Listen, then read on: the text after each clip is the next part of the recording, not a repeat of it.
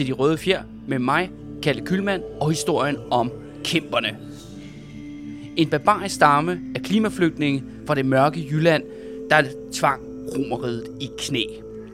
Romerne har nu sendt tre konsuler med legioner imod kæmperne, og hver gang er det endt med blodige nederlag til romerne.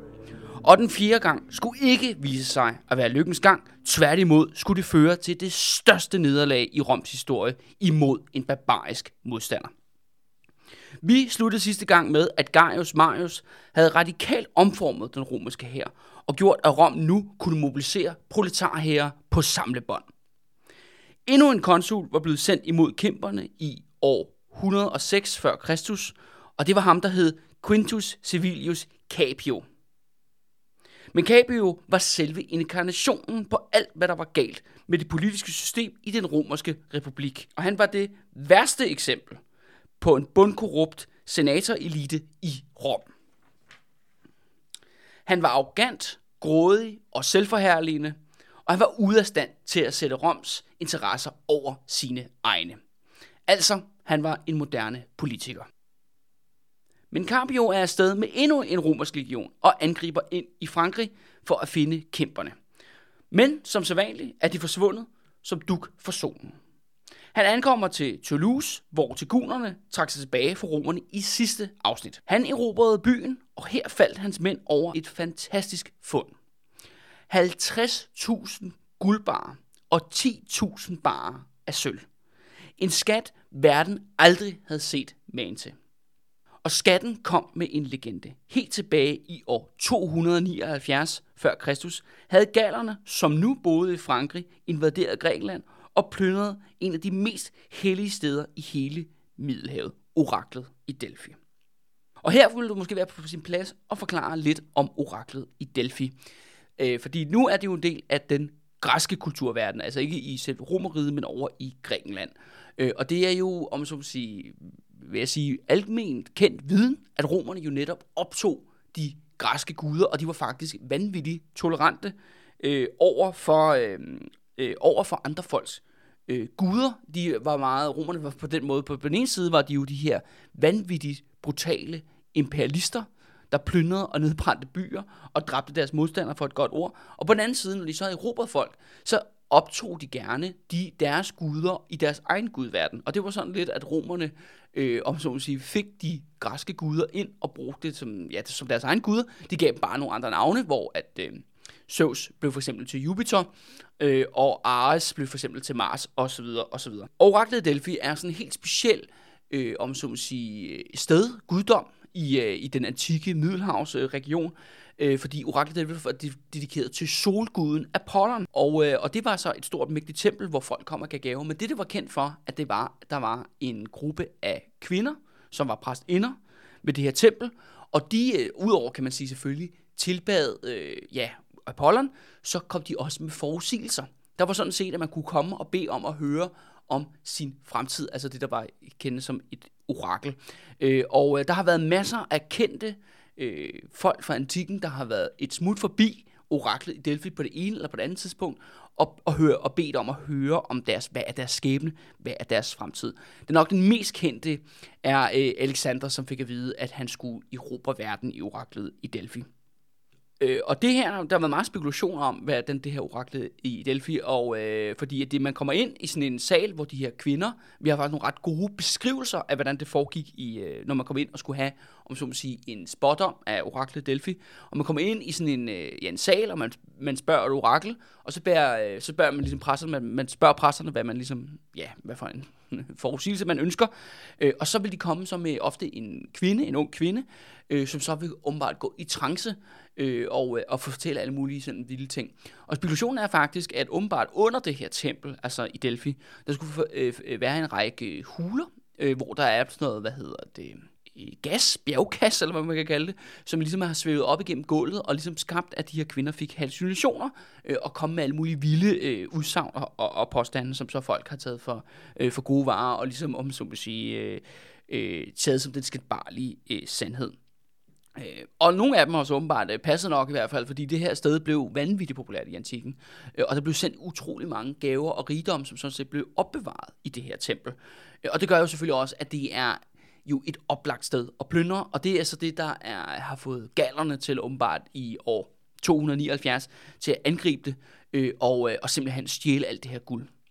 Øh, men det endte faktisk med den her gallerinvasion, som så foregår jo mange år før vores historie om kæmperne, øh, at, øh, at de simpelthen bliver slået, de bliver drevet ud af Grækenland, og efter sine er det fordi, at oraklet lagde en forbandelse på skatten, hvor, oraklet skulle have sagt, hvem end der rørte det guld, vil lide en frygtelig og smertefuld død.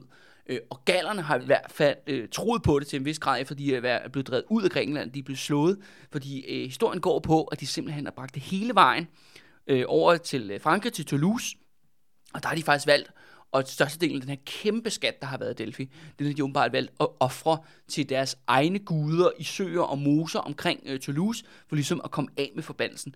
Men der var åbenbart øh, noget af den her skat tilbage, som åbenbart er blevet lagt i deres eget hovedtempel i øh, Toulouse. Det siger, øh, historien beretter ikke noget om, øh, til hvilken gud øh, det her tempel er dedikeret, men de har jo åbenbart ment, at herinde, om så må sige, der var den her skat, den var sådan set øh, pacificeret. Øh, og så kan man sige, bringer det op til vores nutidige historie, hvor at, øh, det er jo netop interessant, at kæmperne, som har rendt rundt i det her område i faktisk i flere år nu, øh, de har ikke rørt ved den her skat. Men ham her Car, øh, Capio, ham her konsulen, da hans mænd de råber den her øh, by Toulouse og finder det her guld, jamen så vælger han simpelthen at, øh, ja, at tage det. Han så netop, øh, ja, det her guld, det åbenbart har skinnet til ham, øh, og han lyttede i hvert fald ikke til gamle forbandelser.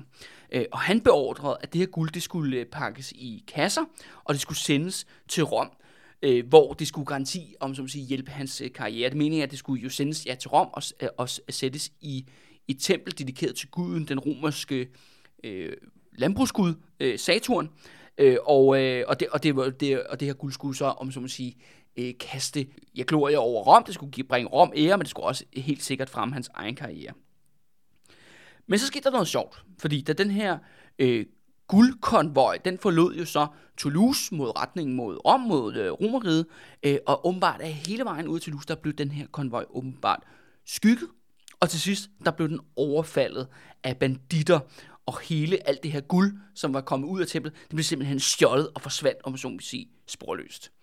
Øh, og det kan man så sige, det er jo pænt uheldigt, at en flok røvere sådan, så slipper afsted med den her hellige skat for Delphi. Men der var ikke nogen i samtiden på det tidspunkt i Romeriet, som troede et, et eneste sekund på, at der var tale om tilfældige øh, banditter eller landevejsrøvere, som var så heldige, at de faldt over den skat.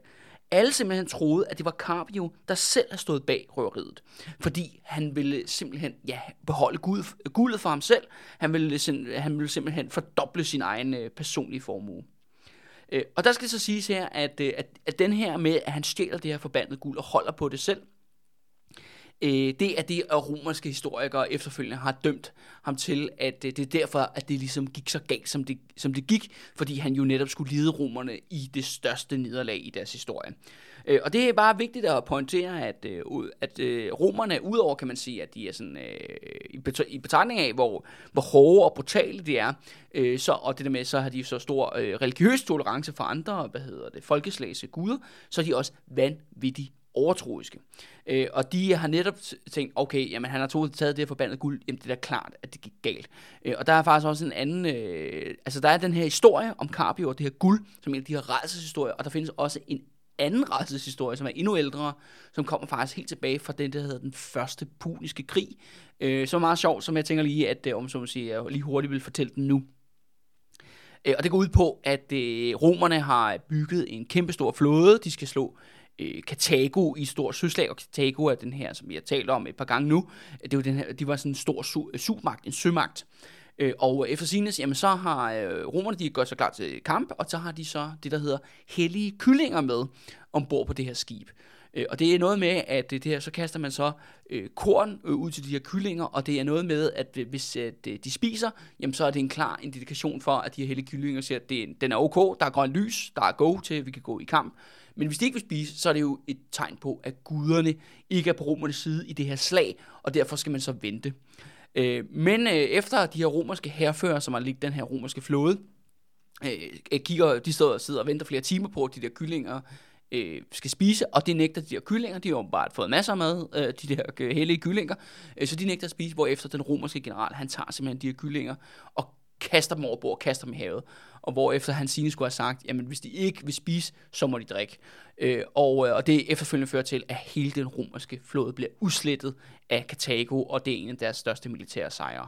Og der kan man så se, hvordan historien nu vil gentage sig selv her mange hundrede år efter, øh, hvor at øh, omkring i hvert fald 100 år efter, hvor at øh, Capio, han er sådan set, øh, han og igen, han overhører en klar forbandelse, han overhører en klar, et klart budskab for guderne, fordi han vælger simpelthen at stjæle Apollons guld, og dermed dømmer han romerne til gigantisk nederlag proportioner. Godt nok ikke til havs den her gang, nu er det godt nok til lands.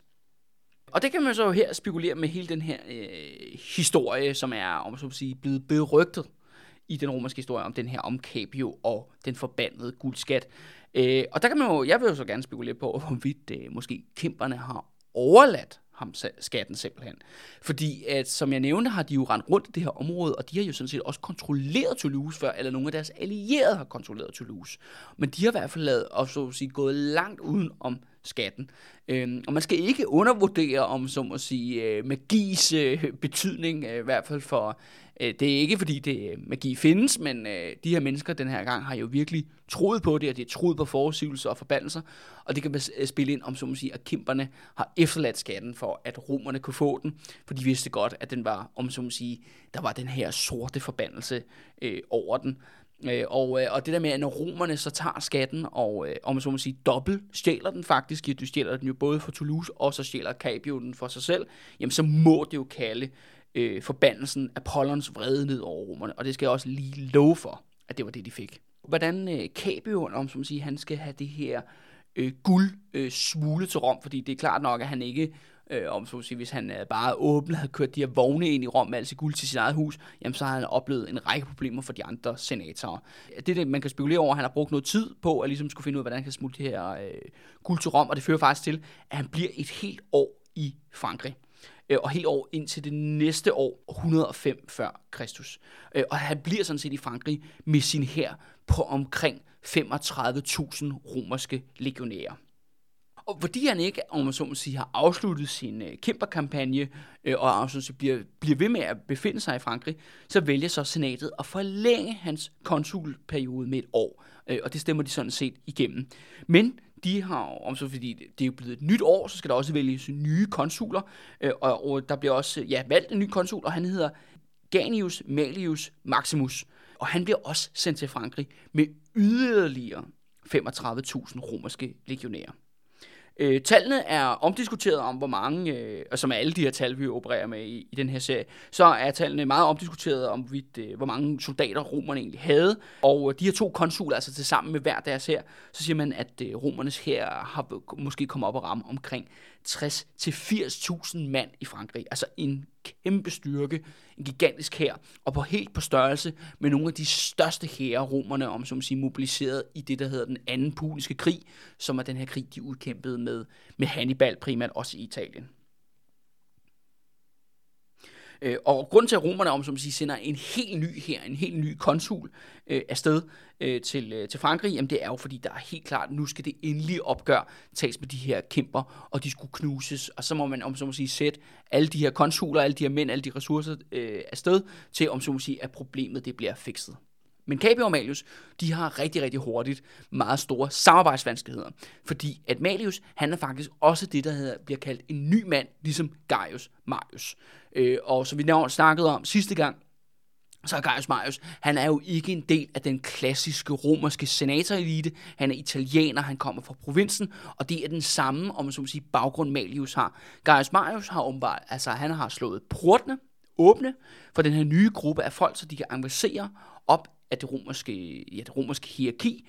Øh, og Malius er altså en af de her nye, andre nye mænd, som kommer med ind, og som også bliver valgt som konsul. Men problemet er bare, at Capio, han tilhører en af de ældste adelige slægter i Rom. Øh, og han nægter simpelthen at underlægge sig eller samarbejde med sådan en ny mand. Det var under ham. Og det skal sige sådan rent juridisk, teknisk, så er Malius ham, der bestemmer, fordi at Capio var, om så må sige, sidste års konsul, altså året 144 Kristus, der var han konsul. Han har så fået forlænget et år. Malius er blevet valgt for konsul for året 105. Øh, så det er egentlig Malius, der skal bestemme. Det er ham, der egentlig har den øverste autoritet. Øh, Capio skal sådan set bare, om så sige, øh, pakke sig sammen, gøre sin opgave færdig og, øh, og vende tilbage til Rom og opgive sin, sin konsulpost. Og så, ifølge reglerne, så skal der gå 10 år, før han kan blive valgt. Men øh, som Gaius Marius lige har bevist jo, så, øh, så er øh, reglerne øh, i Rom, det er begyndt at blive øh, bare, om så må sige, øh, gummiparagrafer, som øh, forskellige, om så må sige, øh, alliancer og power eliter i, i Rom, om så må sige, de kan spænde, som de vil. Så de her to mænd, Capio og Malius, de kan ikke samarbejde. De har hver en her på omkring et eller andet sted omkring 35 øh, til 40.000 mand, øh, og de, øh, om så må sige, befinder sig nu på hver sin side af Runfloden i Frankrig. Hvis de har slået sig sammen, så har de haft en gigantisk styrke på 80.000, men nu er de sådan set delt op, fordi at øh, Capio, øh, om så må sige, nægter og om så må sige, at rejse ind i den provins, eller flytte sin her ind i den provins, hvor Manius øh, befinder sig, og Ronfloden, det er den grænse, der er mellem de to provinser. Og Capio påstår, jamen på den vestlige side af Ronfloden, der er det mig, der er konsul, det er mig, der bestemmer, og på den østlige side, øh, der er det Malius, der bestemmer. Og hvis Capio, om så må sige, flytter sit her ind i den østlige del, jamen, så skal han underkaste sig, så skal han underlægge sig Malius. Og det er under hans niveau. Det er under hans standard. Og den her, om man så må sige, mangel på samarbejde mellem de her to romerske konsuler, det er det, der skal simpelthen føre til det fatale og katastrofale nederlag, som, øh, som kæmperne, om man så må sige, er i gang med at brygge sammen til romerne. I oktober 105 f.Kr., der rendte en af Malius' patrulje lige ind i kæmpernes hovedstyrke. Kæmperne var tilbage. Øh, patruljen den blev omringet og udslettet indtil sidste mand – og nu vidste, kan man sige, Amalius, at monster fra nord, det var, om så må sige, sat i bevægelse igen. Det var på vej ned, om så må sige, fra midten af Frankrig, hvor de har hængt ud et stykke tid, og nu var de simpelthen på vej syd mod igen, og de var på vej direkte mod Malius og romerne. Og Malius han begynder at sende den ene mere desperate besked efter den anden, hvor han tigger og beder Capio om, at øh, han skal simpelthen, hans hær skal krydse Romfloden, så de to hære de kunne slås sammen mod kæmperne. Men Capio, han hånede Malius, kaldte ham en ynkelig ny mand, og han var hunderad for barbarer. Og det var ikke en rigtig romer, som var, barbar, som var bange for de her vilde barbarer fra nord.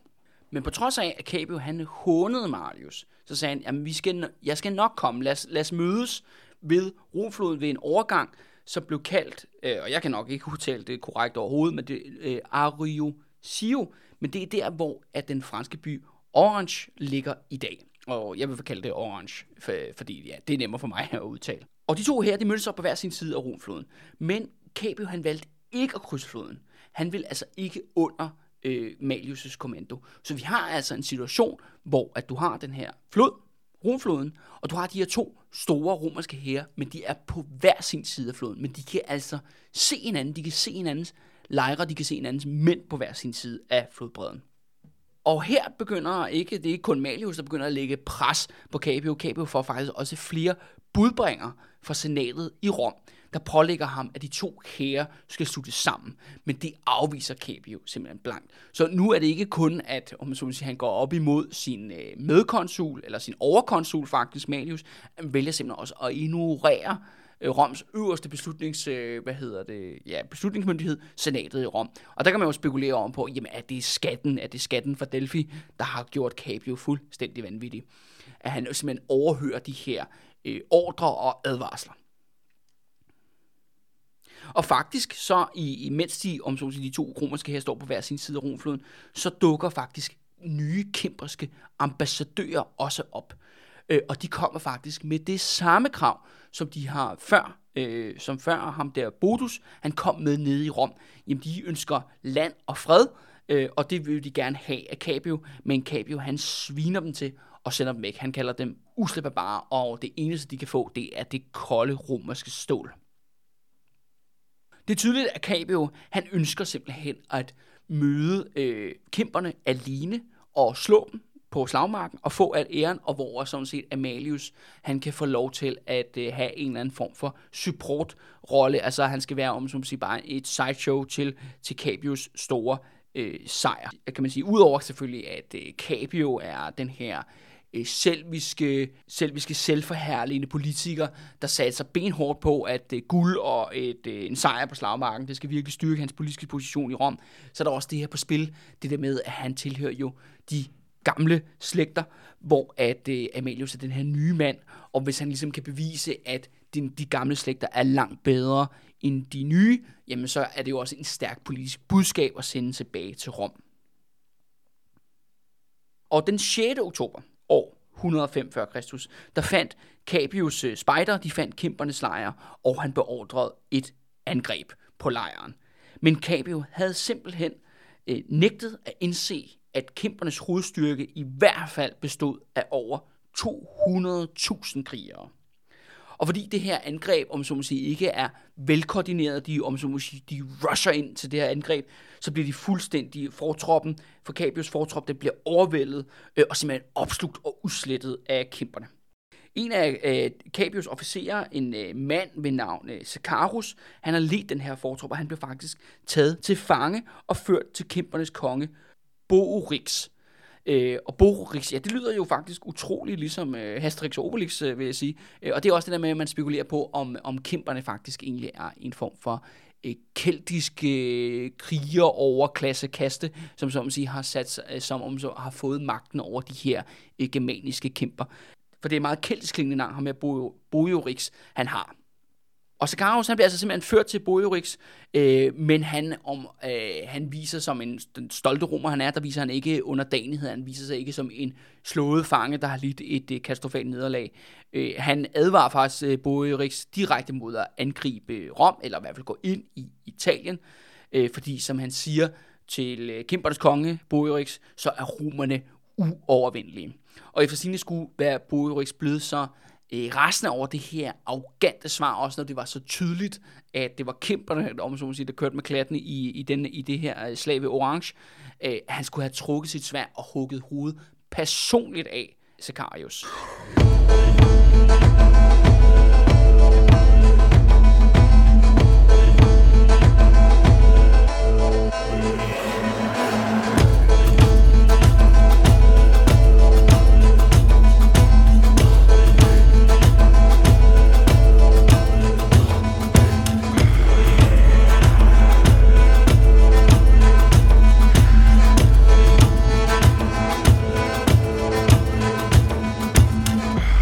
Kæmperne de fortsætter deres angreb på Carbius del af hæren. Og hurtigt efter, det må man sige, at den her fortrop er blevet ja, smadret, udslettet, så opstår der total panik ved synet af den kæmperiske flodbølge. Cabius her, den går i opløsning, den flygter over Ronfloden, hvor der åbenbart var lavvand, så de kunne, mange af dem kunne i hvert fald komme over på den anden side rimelig nemt. De, men de her mange tusind flygtninge, de skabte et totalt kaos i Malius her på den anden side af floden. Og nu var romerne, om så må sige, øh, ja, Malius soldater, som prøvede at opretholde en eller anden form for disciplin og, om man så må sige, bibeholde deres rækker, var nu presset alle de her øh, paniske flygtninge, der talte ja, tusindvis af mennesker, om så må sige, løb frem og tilbage og om så må sige, brød deres øh, linjer op. Øh, og på, på den ene side af floden begynder sig altså samle sig i en kæmpe stor klump omkring ja, 80.000 mand. Og udover de her soldater, vurderer, eller så romerne siger i hvert fald selv, at der var i hvert fald omkring 40.000 andre personer ind i den her vilde klump op af Romflodbredden.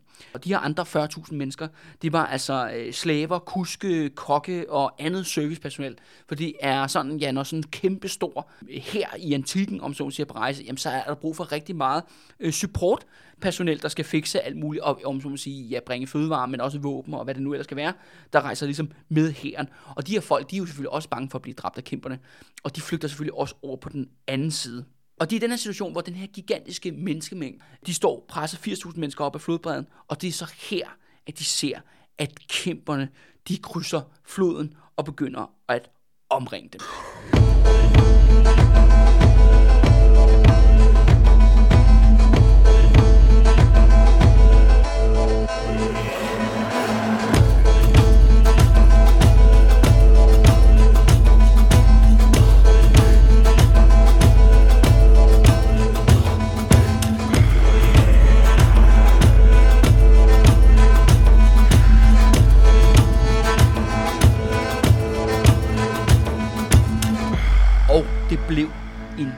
Massakre.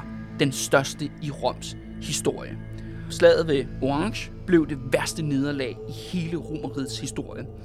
For år 753 før Kristus, som er det, man siger er ja, året for Roms grundlæggelse og oprettelse, til år 476 efter Kristus, da Romeriet, om så må sige, endeligt går i opløsning, der er slaget ved Orange blevet simpelthen betegnet som det, det største nederlag, romerne nogensinde har lidt, og det skulle blive til kæmperne, og, øh, og kæmperne skulle faktisk komme til at slå Hannibals store sejr i den anden puniske krig, i det der hedder slaget ved Kana, som det bliver kaldt. Fordi det her slag ved øh, Orange, det kommer til at koste simpelthen romerne 120.000 dræbte. Det er et helt vanvittigt tal. Øh, selvfølgelig kan man spekulere om på, hvorvidt det er, ja, det er overdrevet, det er romerne, der har pyntet på det, øh, men 120.000 dræbte, altså vi skal op til Første verdenskrig, før at noget om så må sige slag i verdenshistorien, om så må sige, kan matche i tabstal, øh, når det kommer til det her slag ved Orange. Øh, de romerne vurderer selv, at kæmperne havde omkring 15.000 dræbte. Og der kan man spørge sig, hvordan selv, hvad fanden det går galt, når man har ja, 80.000 rom, trænede romerske soldater øh, sammen, men det er simpelthen fordi, at den her, de er stoppet med at være en her, de er blevet en stor håb, hvor, hvor, hvor kæmperne med 200.000 mand, kunne man som sige, pressede dem fra tre sider ud i floden og simpelthen bare massakrere dem, om man så må sige, langsomt et totalt blodbad.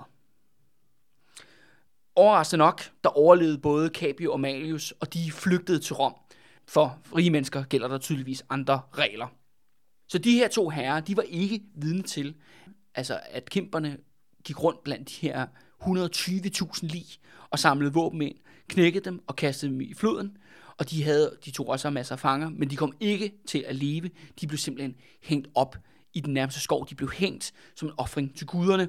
Og det er så her igen, at man så den her vogn med de her præstinder, der render rundt med den her kovertyr og det her store sølvkar, de simpelthen tager ja, hundredvis af romerske fanger, skærer halsen over på dem øh, og får blod til at drøbe ned i det her kar, øh, og simpelthen begynder at spå om fremtiden. Og nu var, om så må sige, fanden løs i Laksegade, eller rettere sagt, fanden var løs i Rom. Fordi aldrig før havde Rom sige, stået over for dommedag, som de stod efter de her nederlag til kæmperne. 120.000 mand var blevet dræbt, 80.000 soldater. Rom, Rom, Rom stod forsvarsløse, og hvis kæmperne var draget ned igennem Italien og brændt Rom af, jamen så havde der ikke været noget, der hed Romeriet, så er de simpelthen forsvundet fra historiebøgerne. Men igen, igen, igen, igen, der forsvandt kæmperne. Kæmperne, de trak sig simpelthen væk igen, øh, og de satte simpelthen den her gang kursen imod Spanien det er måske værd at bide mærke i de her præstinder, og det de har set i blodet, de spådomme, om så man sige, de har draget ud, for det på sin vis fungerer de her øh, omrejste præstinder med deres øh, tyregud jo også som en flok orakler, eller oraklet i Delphi. De har åbenbart måske ja, indikeret til Boerix og Bodus og de andre øh, ledere af kæmperne og teutonerne, hvad de nu ellers hed, at de, de skulle ikke drage mod Rom, at det ville blive øh, en katastrofe, eller de skulle hellere tage til Spanien, for det var det, de gjorde. Man kan også spekulere på, at det er simpelthen, øh, at kæmperne, øh, når de siger, at de ønsker fred og land, så er det noget, de mener. Altså, de er øh, meget fredelige, altså for den her periode, i hvert fald den her tidsalder, hvor det er romerne, der skal ses som de voldelige og hyperaggressive. Og så hver gang, at romerne, om så må sige, bevæger sig ud af deres eget område, altså den italienske halvø, men så hver gang, at romerne bevæger sig ud af den italienske øh, halvø, jamen så kommer kæmperne simpelthen og leger whack altså simpelthen smadrer de romere, der befinder sig uden for Italien. Og når, og når de så har udslettet romerne, den romerske her, de har mødt ud fra Italien, jamen så trænger sig tilbage igen, fordi vi bare prøver at indikere til romerne, at de vil bare leve i fredelig sameksistens. Men igen, kæmperne var og forbliver et enigma. Men i Rom, der var der vild panik. Ude for senatet, der samledes plebejerne i 10.000 vis og råbte takfast et navn. Gaius Marius. Folket, de vil have Marius, og senatet, de turde ikke sige nej. Marius, han var ikke engang i Rom, han var i Afrika, hvor han havde vundet krigen, han havde afsluttet krigen i Afrika. Og så imod stik alle regler, der blev han valgt til konsul for året 104 før Kristus i absentia. Han var ikke engang i Rom. Han befandt sig i Afrika, men blev valgt i absentia, hvilket også var et klart brud på romernes egen regler om, hvordan man vælger en konsul. Og det her, det var altså så anden gang, at Marius han blev valgt til konsul. En post, han skulle opnå hele syv gange. Og som sagt, reglen var ellers, at der skulle gå 10 år mellem, om man så må sige, man blev valgt som konsul, men nu var Gaius Marius blevet valgt til konsul for anden gang på bare tre år. Og det var selvfølgelig klart, at alle andre konsuler og senatorer, og hvad det nu ellers var, man havde sendt mod kæmperne, de havde alle sammen fejlet, men der var den her ene håb, romernes eneste håb, eneste pålidelige gode officer, ja, det var Gaius Marius. Og det var på tide, at han, om som sige, forlod Afrika og håndterede den nye trussel, den større trussel, der kom fra kæmperne i nord. Og med det andet valg af Marius, havde Rom om sider valgt en general, der skulle blive kæmpernes banemand.